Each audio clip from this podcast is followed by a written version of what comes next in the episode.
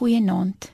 As daar nou een ding is waarmee ons Suid-Afrikaners goed is, dan is dit om lekker te eet oor al die kultuurgrense heen.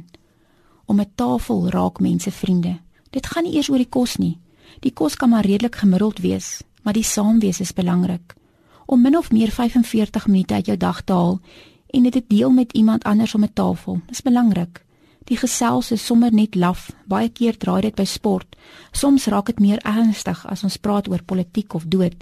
Maar wat belangrik is, is dat ons praat, dat ons 'n ruimte deel. In baie lande word etenstyd behandel asof dit heilig is.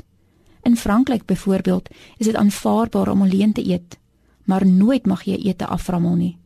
Iemand wat iets in die verbygaan verorber, word vuil uitgekyk en werkers kry ten minste 'n uur en 'n half vir ete. In Mexiko sal die stadsmense saam met vriende of families eet in sentrale plekke soos parke of stadspleine. In Kambodja sprei dorpsmense kleurvolle matte uit en bring elkeen iets om te eet en almal deel dan die kos met geliefdes.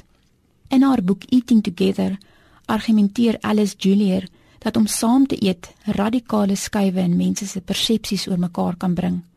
Dit breek die persepsie van ongelykheid af en eetes wat saam genuttig word, het die manier om verskille tussen ras, geslagte en sosio-ekonomiese agtergronde meer gelyk te maak as in enige ander sosiale scenario.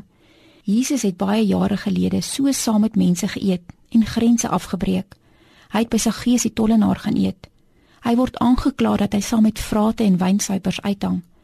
Hy's net so gemaklik in die fariseer se huis.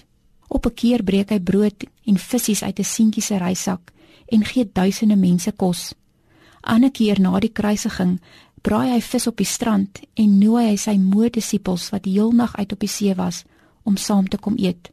Dalk bringe etenstafel ons nader aan mekaar, want dit is moeiliker om met 'n mond vol kos te baklei. Wie weet. Ek weet wel dat in ons eie gemeente het ons personeel begin saam eet. Elke Dinsdag na 'n bestuursvergadering stop ons vir 'n oomblik en almal eet saam. Die skriba en die skoonmakers, al die dominees, die gemeentebestuurder, jeugwerker, faktotum, almal van ons.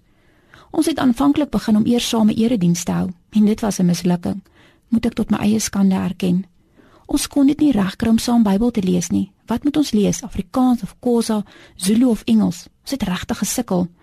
Nou bid ons vir mekaar en dan eet ons saam en dit werk. Ek hoop dat iewers in die toekoms ons weer sal probeer om saam kerk te hou maar vereers is ons kerk rondom die etenstafel en daar verdwyn ons voor en afkere. Dit het ons span baie nader aan mekaar gebring. Ons weet nou wat in mekaar se lewens gebeur en ons bly op hoogte. Ons deel mekaar se hartseer en vreugdes en ons eet lekker saam.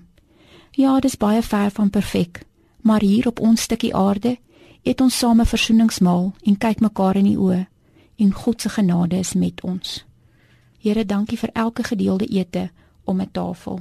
Amen.